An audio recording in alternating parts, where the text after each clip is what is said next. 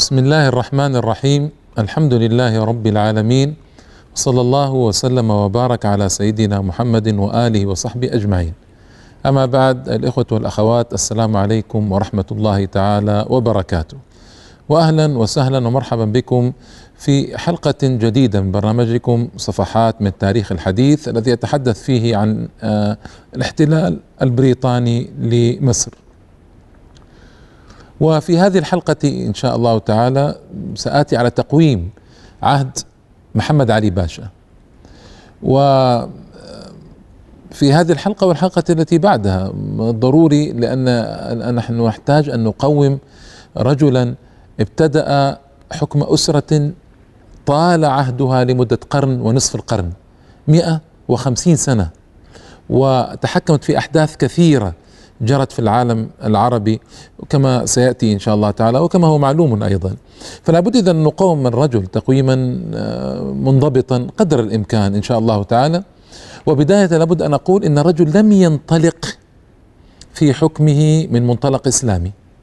هذا أمر متفق عليه.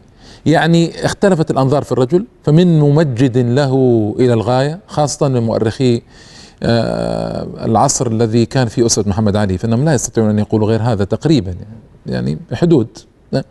لكن آه، ظهر مؤرخون وفي عصر أسرة محمد علي أيضا كانوا منصفين وتحدثوا وبقوة عن سلبياته.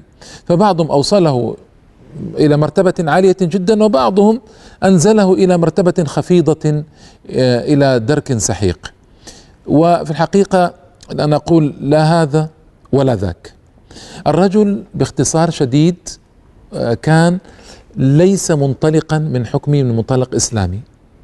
رجل ولد في اليونان وأصله ألباني أو كردي كان اميا آه، كان في الجيش آه، بدأ بداية أولى في الجيش ثم ترقى. وطبيعة العساكر أصلا وخاصة في ذلك الزمان صلتهم بالإسلام صلة ضعيفة فإن أدوا الفرائض كان ذلك شيئا عظيما جدا. فصعب إن نحن نقوم هذا الحاكم ونقول والله كيف حكمه كيف عهده وهل كيف كان يحكم الخلفاء الراشدون وكان يحكم الحكام المسلمون الصالحون؟ ليس هذا هو المنطلق في الحقيقة. لابد أن نحاكمه إلى ظروف عصره. الرجل كان أميا لكنه كان طموحا جدا بعيد الهمة آه ذكيا واسع الذكاء رابط الجأش شجاعا جريئا قويا. لا يأبه بالمشكلات والمصائب. يستقبلها بصدر رحب ويستقبلها بكل ثبات. ويقول عن نفسه انه أمي لم يقرأ كتابا قط إنما قرأ وجوه الرجال وقلما أخطأ في قراءتها. وهذا معلوم عنده فراسة وعنده قوة وعنده من نظر إلى سيرته. ومن المناسب طبعا أن نبدأ بإيجابيات الرجل أو مزاياه آه، قبل أن نأخذ في الحديث عن نقائصه ونقائص عهده. لأن هذا من باب الإنصاف. مزايا الرجل الحقيقة أن الرجل آه، استطاع أن يغير وجه مصر. يعني مصر قبل الرجل كان الحاكم آه، الوالي العثماني على مصر كان همه هو إدارة البلد وتنظيم الأمن جباية الأموال آه، وتنظيم شأن الجند قدر الإمكان بعث آه، الجنود إلى الدولة العثمانية إن احتاجوا. يعني وكانوا كلهم تقريبا مماليك. آه، وكان الظلم فاشيا بشكل كبير جدا على الشعب. محمد علي ما نقول إنه تخلص من من هذه المظالم لكن رتب الدولة. يعني نستطيع أن نقول إنه هو ابتدأ الدولة الحقيقية في مصر. عمل دولة إن صح التعبير. اولا أنشأ جيشا. هذا الجيش كان قويا وقويا جدا بل كان أقوى جيش في المنطقة. وتحدثت معكم في الحلقة السابقة عن قضية حروبه مع الدولة العثمانية وغيرها وكيف استطاع أن يقف أمام أعتى الجيوش آنذاك. فأسس جيشا قويا آه، وصل عدده في الحد الأقصى إلى 276 ألف جندي يعني زيادة عن ربع مليون جندي وهذا عدد ضخم آنذاك وضخم جدا. آه، سلحه بأحسن الأسلحة الحديثة. جلب له مدربين من أوروبا يدربون الجيش. آه، قواه بشكل كان عونا للدولة العثمانية في حروبها مع اليونان وكان عونا للدولة العثمانية في حروبها في معركة آه، المورا عندما ثار اليونانيون. وأيضا كان عون الله في معارك أخرى. وانقلب على الدولة بعد ذلك كما حدثتكم في اللقاء في لقاء سابق. آه، الرجل آه، أيضا أنشأ ابتدأ في أخذ في إنشاء المدارس والمعاهد والمدارس العليا. أنشأ مدارس ابتدائية وهذا كان شيئا جديدا على مصر. أنشأ مدارس ابتدائية وأنشأ المدارس الثانوية. ما كان هناك شيء اسمه متوسط أو إعدادي. لا ابتدائي وثانوي تسع مراحل أنشأها ثم أنشأ المدارس العالية.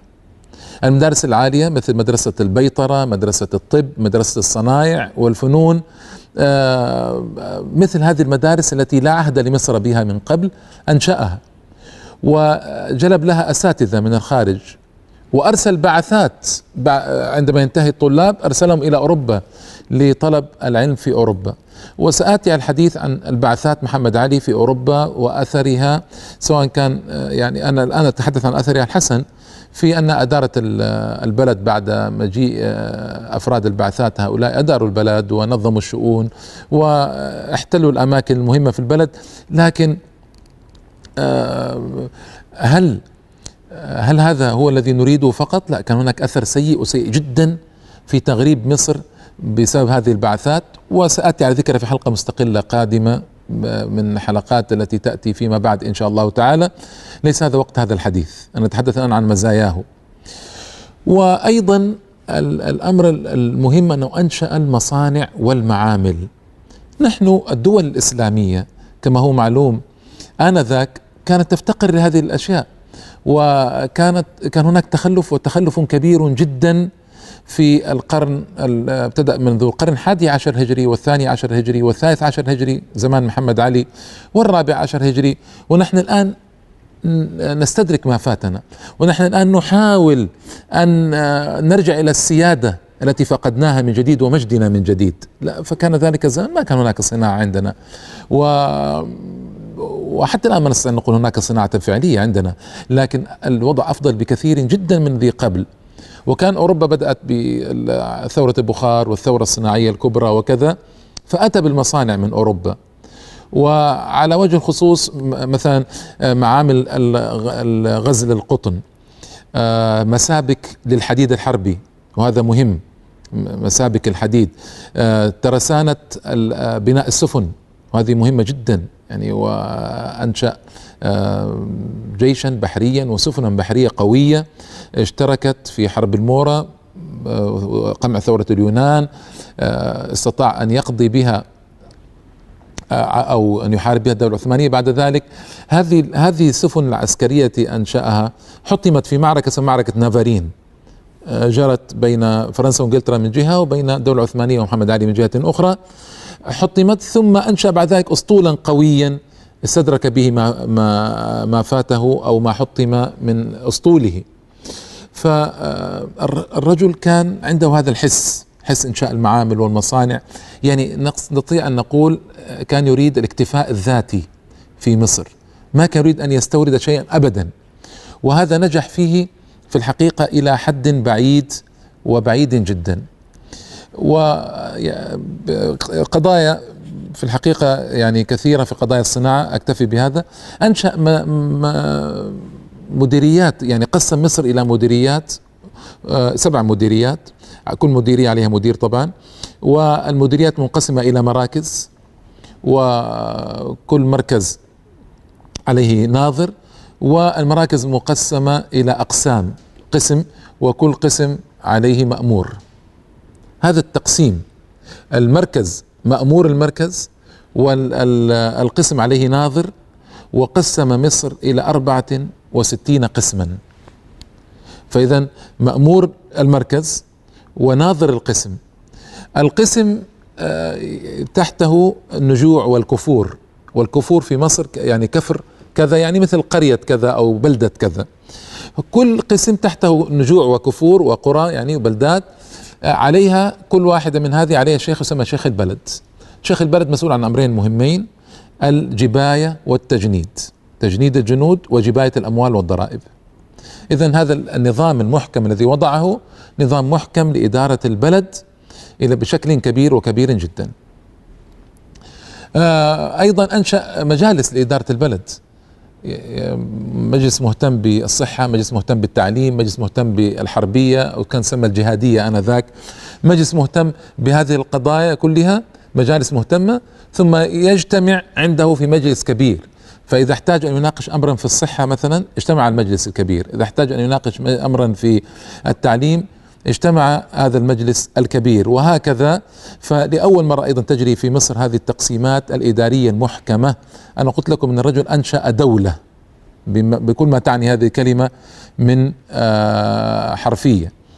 أيضا آه، نابليون لما رجع نابليون ترك المطبعة. اشتراها هو. اشترى المطبعة ووسعها وأضاف عليها لتكون مطبعة بولاق الأميرية بعد ذلك. ومطبعة بولاق لا يدرى كم طبعت من الكتب الإسلامية وكتب التراث واهتمت بها اهتماما واسعا في تدقيق الطبع وتحريره وكانت منضبطة جدا المطبعة. وكان الفضل لمحمد علي في الحقيقة في بداية الطباعة نستطيع أن نقول ربما في العالم العربي كله. وسبق لبنان فيما أذكر في الطباعة آه، محمد علي.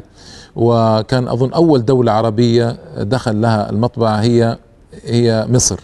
والله أعلم.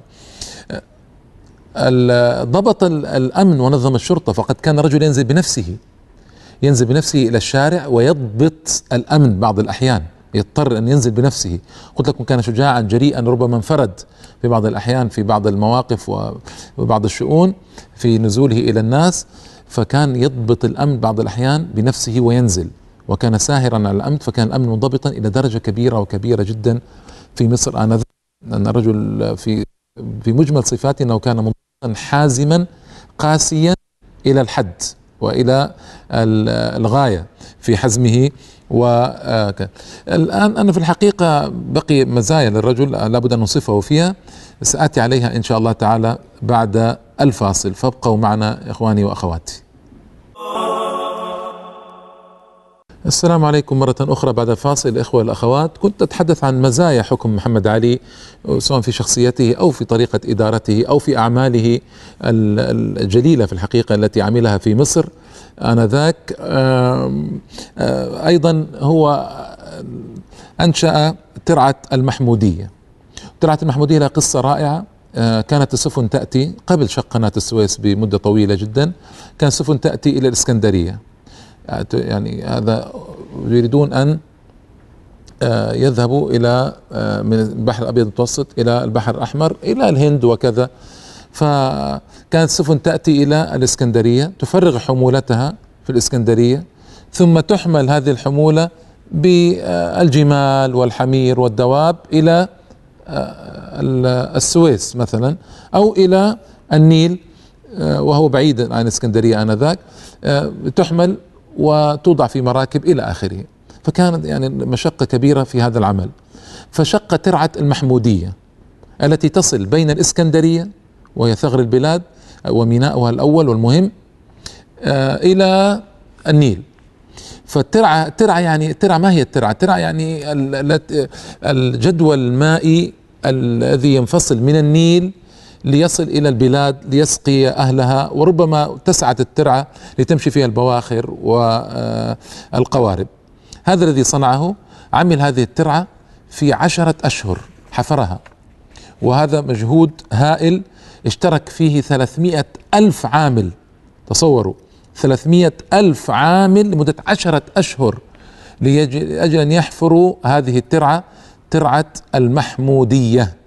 وهذه طبعا صارت مصدر ثروة لمصر ورفاهية كبيرة وكبيرة جدا أنشأها مهندسان فرنسيان بين فرع رشيد يعني فرع النيل الذي يقدم على رشيد وبين الإسكندرية فانتشرت التجارة واتسعت وصارت المراكب تجري في النيل من الإسكندرية مباشرة ليس هناك حاجة لدواب وكذا قبل إنشاء السكة الحديد. ومن أهم يعني مزاياه في الحقيقة وأعماله القناطر الخيرية. ابتدأت في عهده آه، فكرة إنشاء القناطر الخيرية على دلتا بداية دلتا النيل من أجل توزيع الماء إلى البر الشرقي وإبقائه قليلا في البر الغربي للنيل. لأن البر الغربي للنيل منطقة صحراوية ما تستفيد منها مصر. فأحتاج يوزع الماء توزيعا فأنشأ هذه القناطر الخيرية. افتتحت في عهد سعيد بعد ذلك خديو سعيد ابن محمد علي آه، بعد يعني محمد علي بمدة طويلة نسبيا. لأن مشروع كبير ومشروع جبار واحتاج وقتا طويلا ولا شك. آه، أيضا أتى من الهند بالقطن الجيد وزرعه في مصر. ليكون بعد ذلك القطن هو عماد ثروة مصر بعد ذلك ومحصولها الأول الذي يزرع في مصر. وجرى عليه كلام طويل وحاولت إنجلترا بعد ذلك أن تستغل هذه القضية كما سيأتي الحديث عنه لكن المحصول هو أتى به القطن من الهند وزرعه. وزرع ثلاثة ملايين شجرة توت في الوجه القب البحري يعني من القاهرة فما فوق من آه، دودة القز والحرير. فانتشر الحرير الطبيعي في مصر بسبب هذا. ثلاثة ملايين شجرة توت وليس هذا العدد طبعا بالعدد القليل بل عدد ضخم وهائل كما هو معلوم. آه، الرجل طبعا آه، لما أنشأ القناة الخيرية فاتني أن أقول لكم أمرا مهما في الحقيقة أنها آه، اشتغل فيها عدد هائل من العمال حوالي 350 ألف عامل ثلث مليون عامل. وما حفر من آه، الترع في عهد محمد علي كان 100 مليون متر مكعب. تصوروا الترع أنا ذكرت فقط ترعة المحمودية لكن الترع العديدة التي حفرت في زمن محمد علي كانت تزيد عن تزيد عن 100 مليون متر مكعب التراب الذي أخذ من الأرض من أجل شق الترع وفتحها لمختلف البلاد والقرى المصرية. فهذا جهد جبار وجبار جدا اشتغل في هذه الترع حوالي 350 ألف عامل. وفي الحقيقة هذا مشروع جبار ويشكر عليه آه، محمد علي ومن مشاريع الذي يعني آه، مضيئة وقوية. هذه يعني من مزايا أيضا فتح السودان وتوحيد مصر والسودان. جعلها شيئا واحدا وهذا الذي نريده نحن يعني اجتماع الدول العربية والإسلامية هذه أمنية. نتطلع إليها بكل شوق. متى تجتمع البلاد العربية؟ ونقول إن أوروبا اليوم اجتمعت في 27 دولة وكون الاتحاد الأوروبي هم ليسوا على لغة واحدة ولا على مذهب واحد ديني ولا على تاريخ إلا على تاريخ الحروب والدماء بينهم واجتمعوا 27 دولة وزالت بينهم الحدود. فنحن الدول العربية لسان واحد مثلا وإذا اعتبرنا دول اسلاميه ودين واحد أيضا والدول العربية دين واحد ولسان واحد وتاريخ واحد مشترك وماذا نريد أفضل من ذلك؟ فللأسف الشديد أقول بمراره ما اجتمعنا فإذا كان مشروع أن أن يكون وادي النيل هو دولة واحدة هو الذي بدأه محمد علي واستطاع أن يدخل ويصل إلى حدود آه، القرن الإفريقي والصومال وأن يكون لمصر امتداد طبيعي بعد ذلك إلى المحيط الهندي في زمن خديو سعيد وإسماعيل. لكن في الحقيقة إذا بدأ المشروع وأنشأ مدينة الخرطوم. هو محمد علي أنشأها آه، في ملتقى النيلين الأزرق والأبيض وكون إدارة مدنية في الخرطوم إدارة مدنية متميزة. يعني هذه بعض آه، في الحقيقة بعض مزايا محمد علي أتيت على أهمها. والآن لابد أن نتحدث إذن عن بعض آه، نقائص عهده أو نقائصه هو الشخصية أو نقائص عهده التي تسمى عند الناس الآن سلبيات؟ لابد أن نوازن بين الميزات والنقائص أو بين الإيجابيات والسلبيات. من أجل نخرج بصورة واضحة عن محمد علي اختلفت الأنظار فيه فلا بد من ذكر الأمرين. في الحقيقة حتى يصل إلى مراده قلت لكم أن الرجل كان حازما هو أصلا عسكري والعسكري فيه حزم وشدة وقوة وطبعا هذا أمر معهود في العساكر فكان فيه الحزم. والحزم تطور إلى قسوة على الفلاح. القسوة هذه الإخوة والأخوات أنتجت نفورا عند الفلاحين. لماذا؟ لأنها هو فرض عليهم ضرائب باهظة. ثانيا ما كان يعني كان يأخذ منهم محصول لنفسه وما كان يعطيهم نقودا بل يعطيهم صكوكا. الصكوك هذه يذهبون بها إلى المخازن يأخذون بها ما يحتاجون. لكن بعد خصم ثمن البذور وثمن المواشي التي تحرث وبعد خصم الضرائب وبعد خصم آه، الضرائب على العام القادم. خشية أن لا يستطيع الفلاح أن العام القادم يمرض أو يموت أو كذا فلا يستطيع يؤدي الضريبة. تصوروا إلى هذا الحد. وأيضا ضرائب التأخير. كل هذه فلا يجد الفلاح المسكين والذي قدم بصكه إلا شيئا قليلا مقابل الشيء الوفير الذي قدمه. وأنا أشبه هذا بالمرحلة الشيوعية وكيف قضت على الزراعة في الدول الشيوعية وكيف قضت على الصناعة والتقدم والطموح الناس. ما كان هناك طموح عند الناس أصلا في الزمن الشيوعي. كذلك محمد علي في الحقيقة أنا أشبه ما جرى مع الفلاح بما جرى مع الشيوعيين بعد ذلك. هو قضى على آمال الفلاح تماما. يعني اولا صادر أرضه هو صادر الأراضي كل الأراضي المصرية صادرها هو. صادرها وأعاد توزيعها بحيث يعطي الفلاح من ثلاثة فدادين إلى خمسة فدادين. آه يعني طيب والفدان قرابة 4200 متر يا إخوة. طيب الفلاح إذا كان عنده 10 و20 و30 فدان انتهى الأمر. يعني كأنه أمم. قلت لكم فيه شبه بالنظام الشيوعي. ثم بعد ذلك آه أجبر الفلاح على زراعة نوع معين من المزروعات. ثم استولى على محاصيله كلها. رفض أن يعطيها محاصيل رفض أن يعطيه مقابلها نقودا أعطاه صكوكا. فالفلاح مسكين عندما يذهب إلى المخازن ليشتري ليأخذ حاجاته المعيشية التي يحتاجها وأيضا البذور وكذا لزراعة أراضي مرة أخرى يجد أن ما بقي له إلا شيء قليل بسبب العسف والضرائب الشديدة. طيب وماذا يصنع الفلاح هنا؟ إذا الفلاح اضطر أن يترك زراعاته وبعضهم غادر البلد كلها وبعضهم خرج من مصر أصلا. بعضهم ذهب إلى الشام وبعضهم ذهب إلى السودان. وقيل إن إحدى أو إن أحد المبررات لغزو الشام هو أن كثيرا من فلاحي مصر كانوا يذهبون إلى عكا عند الوالي ويمكثون عنده هربا من محمد علي وعسفه في بالنسبة لفلاحة الأرض وزراعتها وشدته في ذلك الأمر. فيعني الناس خرجت إلى من مصر كلها إلى السودان وإلى الشام هربا منه. وبسبب هذا هذه الطريقة السيئة في الحقيقة في إدارة في إدارة البلد وإدارة المزروعات. وهذا كان من يعني أمرا واضحا يعني نقيصة واضحة في عهده رحمه الله. أيضا ثبت النظام الإقطاعي في مصر بمصادرة الأراضي وجعلها كلها ملكا له حتى انه جمع الصكوك من الفلاحين حصل ما يعني يعني ما يعرف بالنظام الإقطاعي بعد ذلك لأنه اضطر أن يوزع بعض الأراضي على محسوبيه وأصحابه ووجهاء الدولة وكبارها فرجع نظاما إقطاعيا من جديد كما كان في أيام المماليك قبل محمد علي. وهذا أدى إلى تباطؤ الانتقال من العهد أو من الزمن الزراعي والتجاري إلى العهد الصناعي. كما هو تطور طبيعي لأن الناس تبدأ مزارعين وتبدأ آه، حرفيين مهنيين. ثم ينتقلون إلى الصناعة. هذا الذي حدث في أوروبا تطور طبيعي. هو تطور طبيعي هذا أوقفه محمد علي.